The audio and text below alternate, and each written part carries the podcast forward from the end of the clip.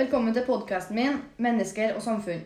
I dag har jeg fått muligheten til å bli med på et teammøte i klasse 4B på en barneskole her i Trondheim. De skal ta for seg en vanskeligstilt gutt og forhåpentligvis komme til en løsning. Med oss i dag har vi de to kontaktlærerne Berit og Kåre, sammen med rektor på skolen Aud og assistenten Monica. Kan ikke du, Aud, fortelle litt mer om gutten? Ja, vi har da en gutt. La oss nå kalle ham for Per.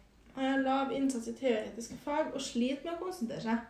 I dag skal vi da prøve å komme frem til en løsning på hvordan Per- kan få best mulig læringsutbytte i løpet av skoledagen. Ja, du har jo vært i noen timer og observert eh, Per, og du ser jo at det er noen problemer. Eh, vi ønsker jo å finne ut hva som er det rette for Per, men vi er litt uenige om hvordan det skal gjøres. Ja, hva tenker du, Marie Berit? Jo, han forstyrrer veldig klassen min, for han klarer ikke å sitte rolig, og han snakker veldig mye med de andre i klassen, selv om jeg prøver å ta ordet. Og dette skaper en veldig stor uro blant elevene. Ja, skjer kan skape uro, ja.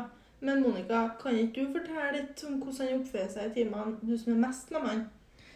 Ja, jeg har jo vært sammen med Per siden starten av andre klasse, fordi han sleit med å jobbe og var veldig utagerende, noe som har roa seg ned. Nå sliter vi mest med lav innsats i timene, og spesielt i timene til Berit. Hvordan er Per i dine fag, da, Kåre? Han er veldig flink i mine fag. Han deltar og er veldig engasjert i gruppearbeid.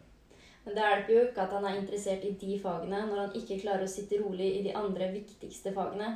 Det at han er så uinteressert, går faktisk utover læringsmiljøet i klassen min. Ja, jeg legger merke til at det er stor forskjell på lærerrollen deres. Du, Berit, du er mer autoritær, mens Kåre, du er mer autorativ. Det kan skape forvirring for elevene, spesielt dem som er vanskeligstilt. Ja, det er jeg enig i, og jeg syns at Per fungerer best i timene til Kåre. Oi, så interessant. Hva tror du er årsaken til det, da? Jeg synes Kåre er mer situasjonsbestemt. Han gir mer rom for deltakelse og diskusjoner.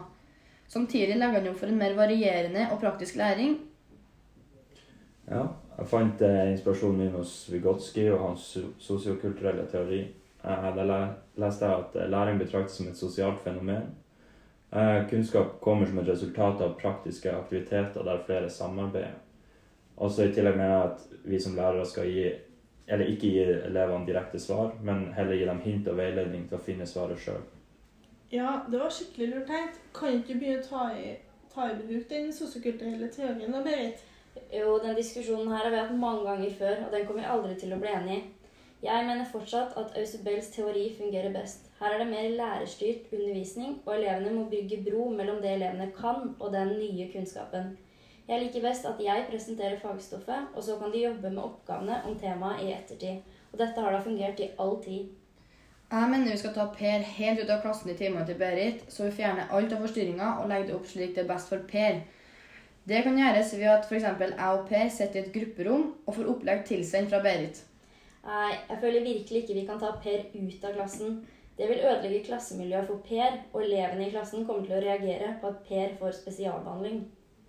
Ja, altså, jeg ser problemet. Men han Jon i 4A har jo spesialundervisning. Så da kan jo vi kanskje sette sammen Jon og Per. Og så har de en faglærer, og så kan Monica være med som trygghet.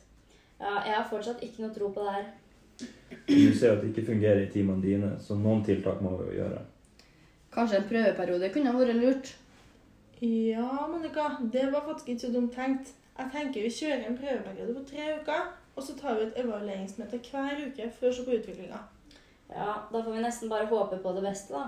Yes, da snakkes vi til neste uke, da. Samme tid, samme sted. Da begynner tida å renne ut, og det ser ut til at dere har kommet med en konklusjon. Så jeg må takke for at jeg fikk bli med dere på teammøtet. Det var veldig interessant å høre hvordan dere tenker å gjøre det beste for Per. Ønsker dere lykke til videre med jobben deres. Og takk til dere som hørte på. Det kommer ny episode neste mandag.